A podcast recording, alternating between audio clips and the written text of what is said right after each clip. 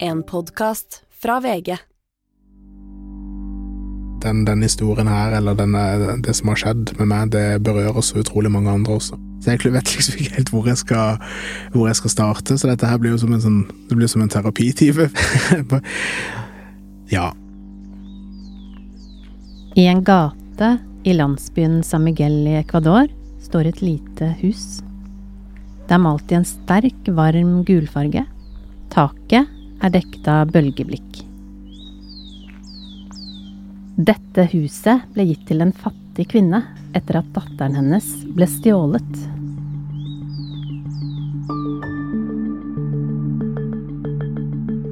Det du skal få høre nå, det er en fortelling om ulovlig adopsjon til Norge og to barns jakt på sannheten.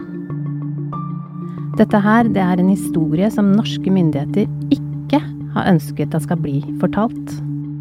Det virker som de hadde noe de prøvde å skjule, eller noe de ikke ønska skulle komme fram. Er det noen grunner til å mistenke at norske adopterte kan ha kommet hit på Eh, nei, vi har ingen holdepunkter eh, for eh, det i Norge.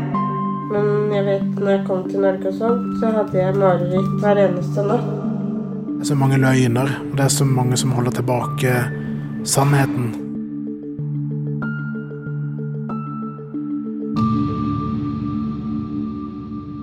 Du hører på podkastserien Stjålet barn til salgs. Jeg heter Monica Flatabø. Dette er episode én Mammaen som forsvant. Telefonen står i en sånn trappeoppgang, altså mell mellom etasjene.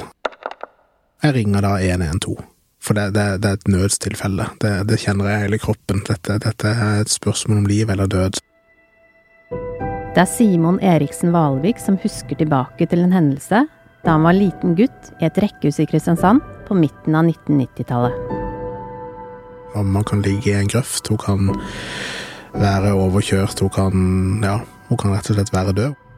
På andre siden av nødsamtalen svarer en stemme. Å ja, hei sann, er, er, det der igjen? Ja. ja, jeg lurer bare på om det, det er mamma som ikke har kommet hjem. Og... Ja, nei, det er ikke noe, ikke noe i dag heller. Det ser veldig, veldig fint ut. For det her er ikke første gang Simon har ringt fordi han er redd for at noe har skjedd med mamma. Og denne gangen er hun over et kvarter forsinket etter å ha vært på besøk hos en venninne. Jeg tror de skjønte hvem eller hva de hadde med å gjøre. da. De, de, de svarte meg bare på spørsmålet mitt. Eh, og det gjorde jo at jeg ble veldig rolig. Og i hele, opp, i hele oppveksten så, så, så, har det alltid vært Det har alltid vært dette her med, med, med, mamma, eller morsfiguren, da, som har vært veldig sånn Jeg har vært veldig redd for å, for å miste. Gutten som desperat ringte 112 fordi han var så redd for å miste mamma, Simon, han er i dag i midten av 30-årene. Simon har svart hår og lysbrun hud, og som oftest så har han et stort smil. Men når han slapper av i ansiktet, så får han liksom et mer alvorlig uttrykk. Munnvikene peker litt nedover. I dag jobber Simon som manager i underholdningsbransjen. I 1988, bare noen måneder gammel, så ble han adoptert fra Ecuador. Fortsatt bare en hjelpeløs liten bylt. Simon hadde en trygg og god oppvekst med familien i et rekkehus i Kristiansand. Med mamma Marianne, pappa Geir, og etter hvert også en adoptert lillesøster, Eline. Så, en dag tilbake i 2008, da Simon var 20 år gammel, så samlet mamma Marianne familien rundt stuebordet. Hun hadde vært på en undersøkelse på sykehuset, sa hun. Da, da vil hun sjøl fortelle at hun har fått altså diagnosen, da, eller altså fått beskjed om at hun har uh, uhelbredelig kreft. Mamma Marianne hadde hatt kreft tidligere, i tenårene. Det var derfor hun selv ikke kunne få barn. Og dette hadde vært sårt for Marianne, en kvinne som veldig gjerne ønsket å bli mamma. Så da Simon kom, og så etterpå lillesøster Eline, så visste de at de var veldig ønsket. Med familien rundt bordet så fortalte hun også at kreften var kommet tilbake, og at det denne gangen ikke var noe å gjøre. Ett år etter samtalen rundt bordet så døde Marianne.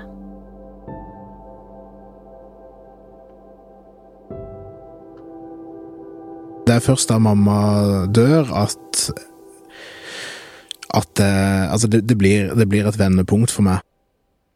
Går vel inn i en uh, identitetskrise, egentlig.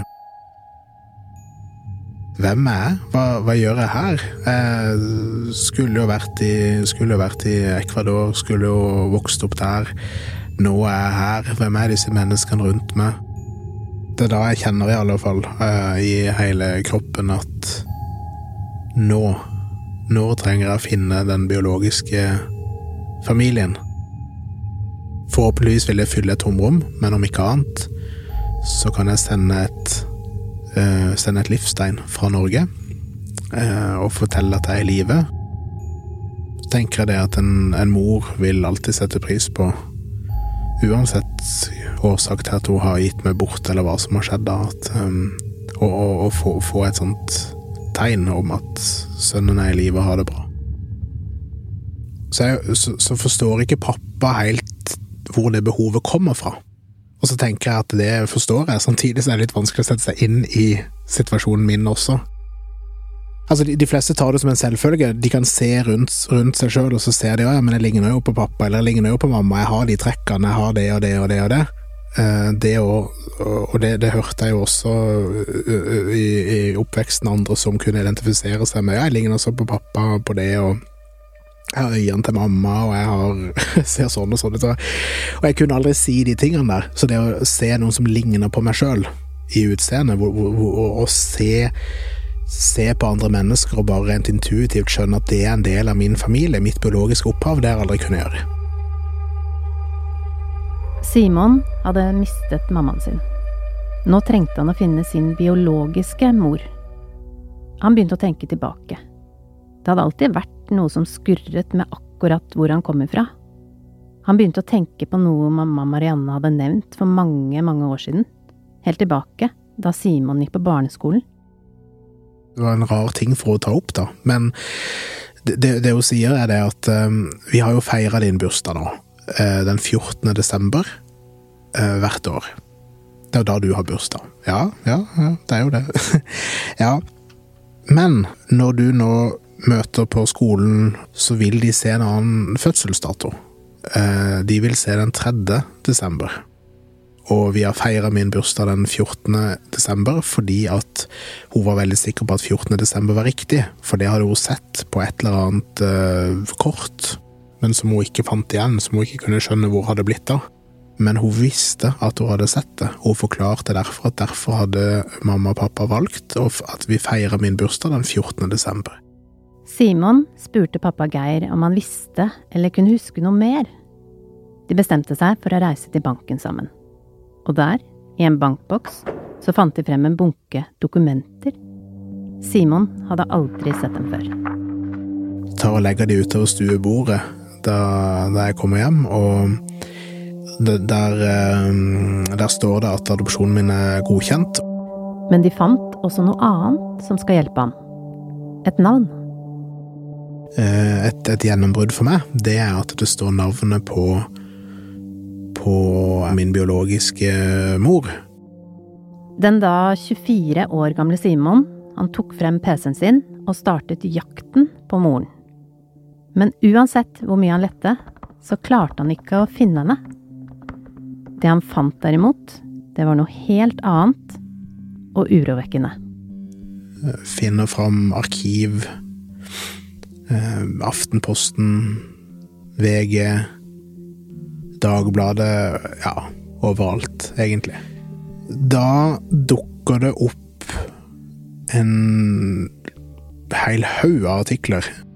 Det Simon fikk se da han klikket seg gjennom arkivet med gamle avissider, det var overskrifter med store bokstaver. Og der sto det 'Adopsjonsskandalen'. Barnet mitt er stjålet. Det var en mor nede i Ecuador som var fortvila over det, og det sto barna må kanskje sendes, sendes tilbake. Simon trodde han skulle finne sin biologiske mor. Men nå hadde han isteden funnet tegn på at det kunne være noe alvorlig galt bak hele adopsjonsprosessen han selv hadde vært med i. I Ecuador så var fem personer arrestert, kunne han lese, for å ha stjålet barn. Og disse barna hadde så blitt adoptert bort til familier i andre land. Det var 13 barn i Norge man frykta kunne være stjålet. Derfor hadde flere norske journalister reist til Ecuador for å dekke saken. Blant andre NRK.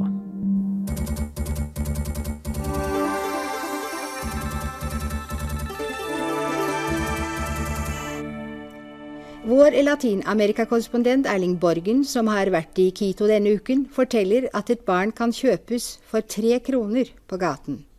Dette er fruktmarkedet i Quito. Her er flere barn blitt stjålet på åpen gate. Simon leste videre gjennom avissakene fra slutten av 80-tallet. Han leste artikkel etter artikkel i arkivene til VG og Dagbladet. Og etter hvert så dannet det seg et bilde av hvem som skulle stå bak denne skandalen. Han som skulle ha kjøpt og solgt barn. Og denne advokaten ble nevnt og avbildet i avisene. Roberto Moncayo het han. Det forteller historien om en korrupt advokat som er kynisk og beregnelig, eh, og, og rett og slett driver med eh, menneskehandel eh, og kidnapping av barn. Og er bestilleren av dette og setter i gang et helt nettverk for å klare å ta unna og håndtere dette, sånn at han kan videreformidle barn til rike land. Simon så nøye på bildene. Mannen var velkledd, med mørkt hår og briller med tjukke rammer. Og jeg tenkte veldig at den, den personen har jo jeg sett før. Simon begynte å tenke på et fotoalbum som mammaen hadde vist han mange ganger før.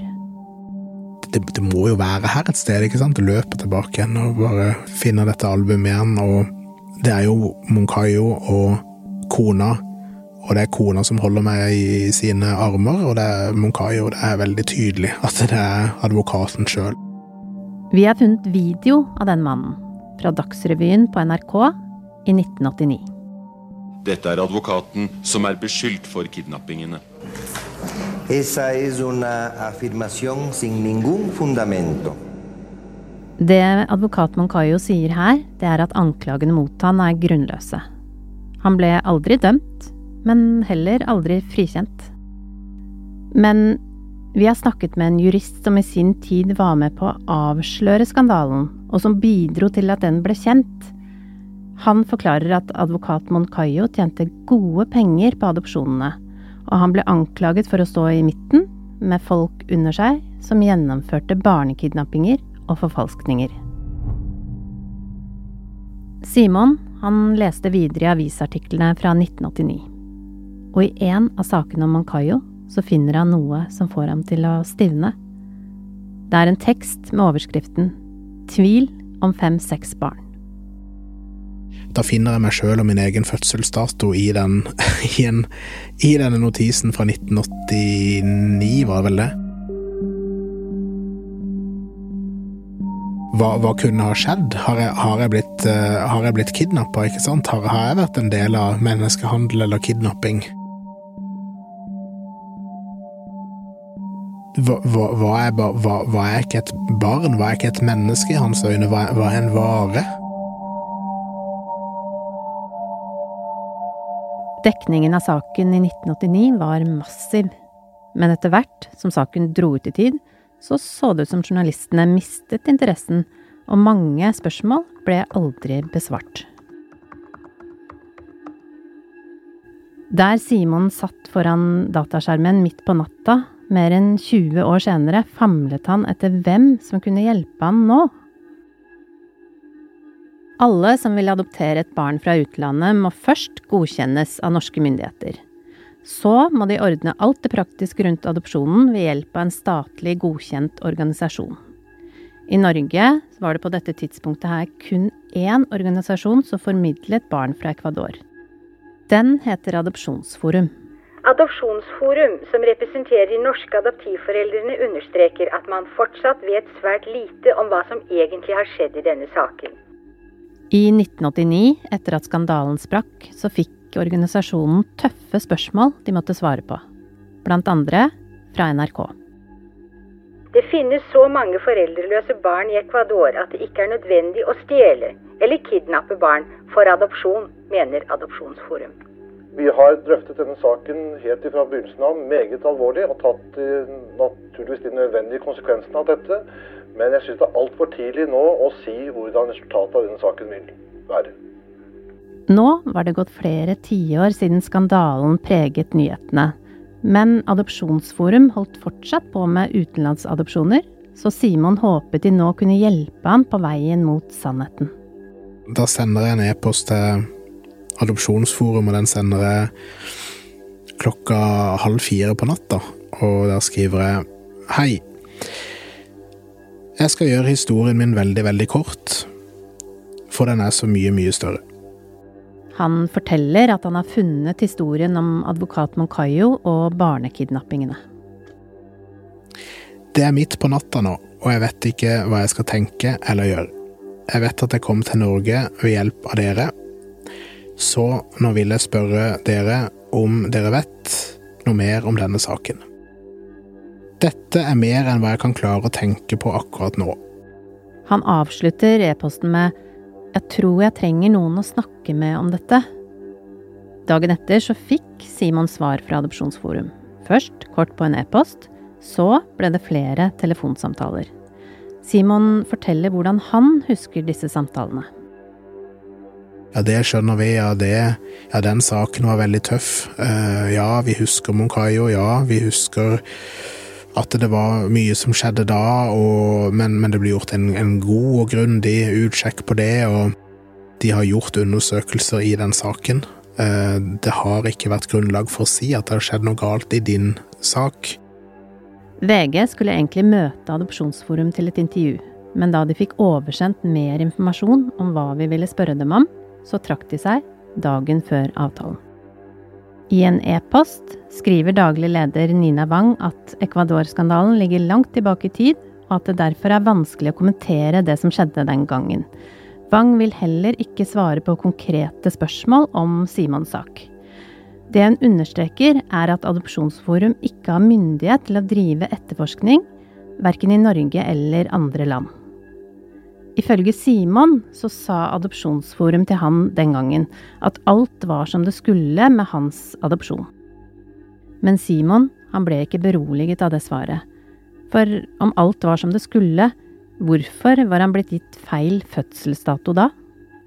Med mamma Marianne borte, så hadde Simon bare én forelder igjen som kunne fortelle han om hva som skjedde da han ble fraktet fra Ecuador til Norge av advokaten Moncayo. Pappa Geir, han hadde alltid vært en nær og god far. Det var han som lå ved siden av Simon om kvelden på barnerommet og leste Astrix og Obelix. Nå spurte Simon faren om hva han visste om adopsjonsskandalen, og da fortalte faren mer om dramaet rundt da Simon kom til Norge. Da sier pappa at de han, han og mamma, de var veldig, veldig bekymra, og det gikk jo inn på begge to, men det gikk nok sterkest inn på, på mamma, som, som eh, ble veldig lei seg og gikk veldig opp i, opp i alt dette her, da. Um, naturlig nok. Um, og spesielt fordi at det var også snakk om på den tida om at det var, uh, det var muligheter for at barna måtte sendes tilbake. Det pappa Geir kunne fortelle, det var at tre dager etter at skandalen ble kjent, så var det et krisemøte i Oslo. Jeg og kollegaene mine har snakket med flere av foreldreparene som var med på dette møtet. Alle hadde fått hjelp av advokat Moncayo gjennom Adopsjonsforum til å gjennomføre adopsjonen. Til stede var representanter fra Adopsjonsforum. I rommet satt det nybakte adoptivforeldre og par som var midt i prosessen med å adoptere, med redde blikk.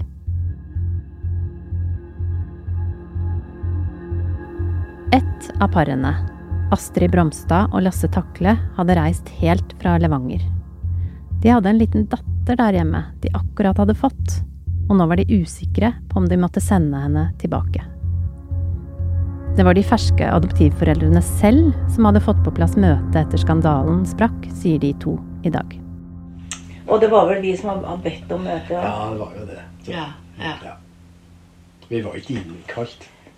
Vi, vi, er, vi er familier i krise.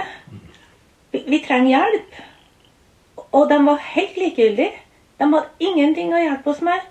Ikke satt fram vann, kaffe, ingenting. Vi hadde reist eneste ærend for å komme dit, og vi følte at vi var som noe hår i suppa. Det var det inntrykket jeg hadde. Vi var jo helt i sjokk. Ja, jeg kjenner jeg blir sint når jeg tenker på det. For det husker jeg. På møtet så sa en representant fra Adopsjonsforum at de frem til da hadde hatt full tillit til Moncayo, og ikke hadde hatt grunn til noe annet, sa paret fra Levanger. Men noen måneder tidligere hadde Adopsjonsforum mottatt varsler om Moncayo. Åtte adoptivforeldre som var i Ecuador for å hente barna sine, hadde slått alarm om det de oppfattet som grov feilinformasjon om barnas bakgrunn, og press om å kjøpe dyre gaver og middager på eksklusive restauranter til advokaten. Da Simon kontaktet Adopsjonsforum over to tiår etter krisemøtet, så hadde han fått beskjed om at alt var ok, sier Simon. Men Simon, han ville fortsette jakten etter svar. For han hadde jo navnet til den biologiske moren. Han googlet, sendte meldinger på Facebook og ringte folk han trodde kunne hjelpe. Og det tok litt tid, men så klarte han å finne ut av noe ingen andre hadde gjort. For etter mye om og men så fikk han tak i en person på Ecuadors ambassade i Stockholm som kunne hjelpe, og sånn fikk Simon endelig tak i et telefonnummer til den biologiske mammaen i Ecuador, hun fra dokumentene. Nå kunne han endelig få snakke med sin biologiske mor. Eh, nei, altså vi, vi, vi, ringer jo vi ringer det nummeret som, som jeg har fått, og vi har jo ikke gjort noen avtale på forhånd, så vi vet jo ikke hva vi kommer til. Og det vi kommer til, det er det har jeg også tenkt på i ettertid, rett inn i livet til et annet menneske som ikke aner at vi, at vi ringer, eh, og som ikke har fått mulighet til å forberede seg på, på den samtalen. Kvinnen tok telefonen. En kamerat av Simon som kunne spansk, fungerte som tolk. Han sa de ringte fra Norge, at Simon var der, og at Simon var adoptert. Det er egentlig ikke mer som skal til i den samtalen for at hun bare bryter av og sier at jeg har, jeg har venta på at Jeg venta på at denne dagen skulle komme. Etter å ha mistet mammaen sin Marianne, hadde endelig Simon fått tak i kvinnen som fødte han. En annen mor, trodde han. Hun kan fortelle helt umiddelbart, det er ikke noe sånn Det er ikke en lang samtale rundt det. Hun går rett på sak og forteller at hun som 18 år gammel ble oppsøkt på gata i eh, Quito, eh, og at eh, en advokat kom, kom bort til henne og spurte om hun ville hjelpe å gi et barn et bedre liv i et annet land. En tilfeldig kvinne på gata ble altså spurt om å signere på et ark og utgi seg for å være Simons mor. Hun hadde sagt ja til det, og utgir seg for å være min mor, da. For å uh, gi et barn et bedre liv. Kvinnen, som altså ikke er Simons biologiske mor, skriver under på dokumentet. Hun husker ikke om hun fikk penger for det, sier hun til Simon. Men hun har veldig dårlig samvittighet for det hun har gjort. Og hun blir veldig lei seg, og hun er veldig opptatt av om jeg er sint på henne, og hvordan jeg har det, om jeg noen gang kan tilgi henne for det hun har gjort. Alt jeg tenkte da, var bare at jeg, er kidnappa, jeg er stjålet fra min min biologiske familie. Det, var, det, var, det, var en, det var en håpløshet. Jeg ble fylt av en håpløshet. Fremgangsmåten til de som sto bak adopsjonsskandalen i Ecuador, altså måten de opererte på, var å stjele barn, og så, som med Simon, gi dem nye, falske mødre som ble oppført i alle papirene som fulgte barna. Og det her, det kom frem allerede i 1989. Likevel så kan ikke norske myndigheter og Adopsjonsforum ha gjort det Simon nå har gjort, å sjekke om den oppførte moren faktisk var den hun sa hun var. Igjen så kontaktet Simon Adopsjonsforum, den organisasjonen som altså hadde fått han til Norge. Og når jeg forteller at jeg har funnet ut at denne dama på papiret har utgitt seg for å være min bi eh, biologiske mor, for at adopsjonen skulle bli godkjent, da Fra da ut så endrer tonen seg ganske drastisk med Adopsjonsforum. Eh, da vil Altså, da, da, da sitter jeg med en opplevelse av at de ikke vil Det er ikke så mye hjelp å få. Kan du ikke bare være glad for at du har kommet til Norge? Kan du ikke bare være glad for at du har fått et godt liv her, og la dette ligge, og at ikke det fører noe bra med seg? Du, du, du, virker som en ressurssterk person. Du skal vite vi møter veldig mange andre som sliter mye mer enn det du gjør, og som har mye større problemer i livet, og der kan vi forstå at de er på jakt, at de trenger noen svar. Men sånn som vi hører deg, så er du velfungerende i samfunnet. Dette er også Simon sin gjenfortelling. Men vi har også sett notater som han gjorde etter at han hadde snakket med Adopsjonsforum den gangen. Og de viser det samme. Som sagt tidligere så trakk Adopsjonsforum seg fra intervjuavtalen de hadde med VG om denne saken. I et e-postsvar skriver daglig leder Nina Wang litt om Simons sak. Nemlig at det er trist at Simon har opplevd å bli møtt på den måten du beskriver. I en påfølgende e-post skriver Wang. Det er både veldig leit og beklagelig når adopterte opplever at møtet med Adopsjonsforum ikke er tilfredsstillende. Vi jobber hver dag for at de som tar kontakt med oss, både adopterte, deres familier og andre, skal føle seg ivaretatt og få den veiledningen de trenger. Hun viser også til at det er norske myndigheter som undersøker eventuelle mistanker om ulovlige adopsjoner. Barne- og familieminister Kjersti Toppe sier at de nå skal gjennomgå adopsjonene fra Ecuador, slik at adopterte skal slippe tvil i sine saker. Når jeg klarer å få, få, navn og telefonnummer og adresse og fødsels- og personnummer hele pakka på denne personen, da hadde jo i alle fall også norske myndigheter eller adopsjonsrom klart å finne fram til det samme, og de kunne ha gjort en utsjekk på det. Én telefonsamtale skulle til. Da kjente jeg nok også innerst inne på at det virker som de hadde noe de prøvde å skjule, eller noe de ikke ønska skulle komme fram. Jeg følte at de jobba mot meg. Etter det, da valgte jeg å å gå videre og bestemte meg for at jeg måtte eh, gjøre det jeg kunne og ta saken i, i egne hender. I neste episode av Stjålet barn til salgs så får Simon tak i en gjenstand som endrer alt. Så det ligger inni her Skal vi se om jeg får tak i det. Og du skal få møte det andre barnet som denne historien handler om.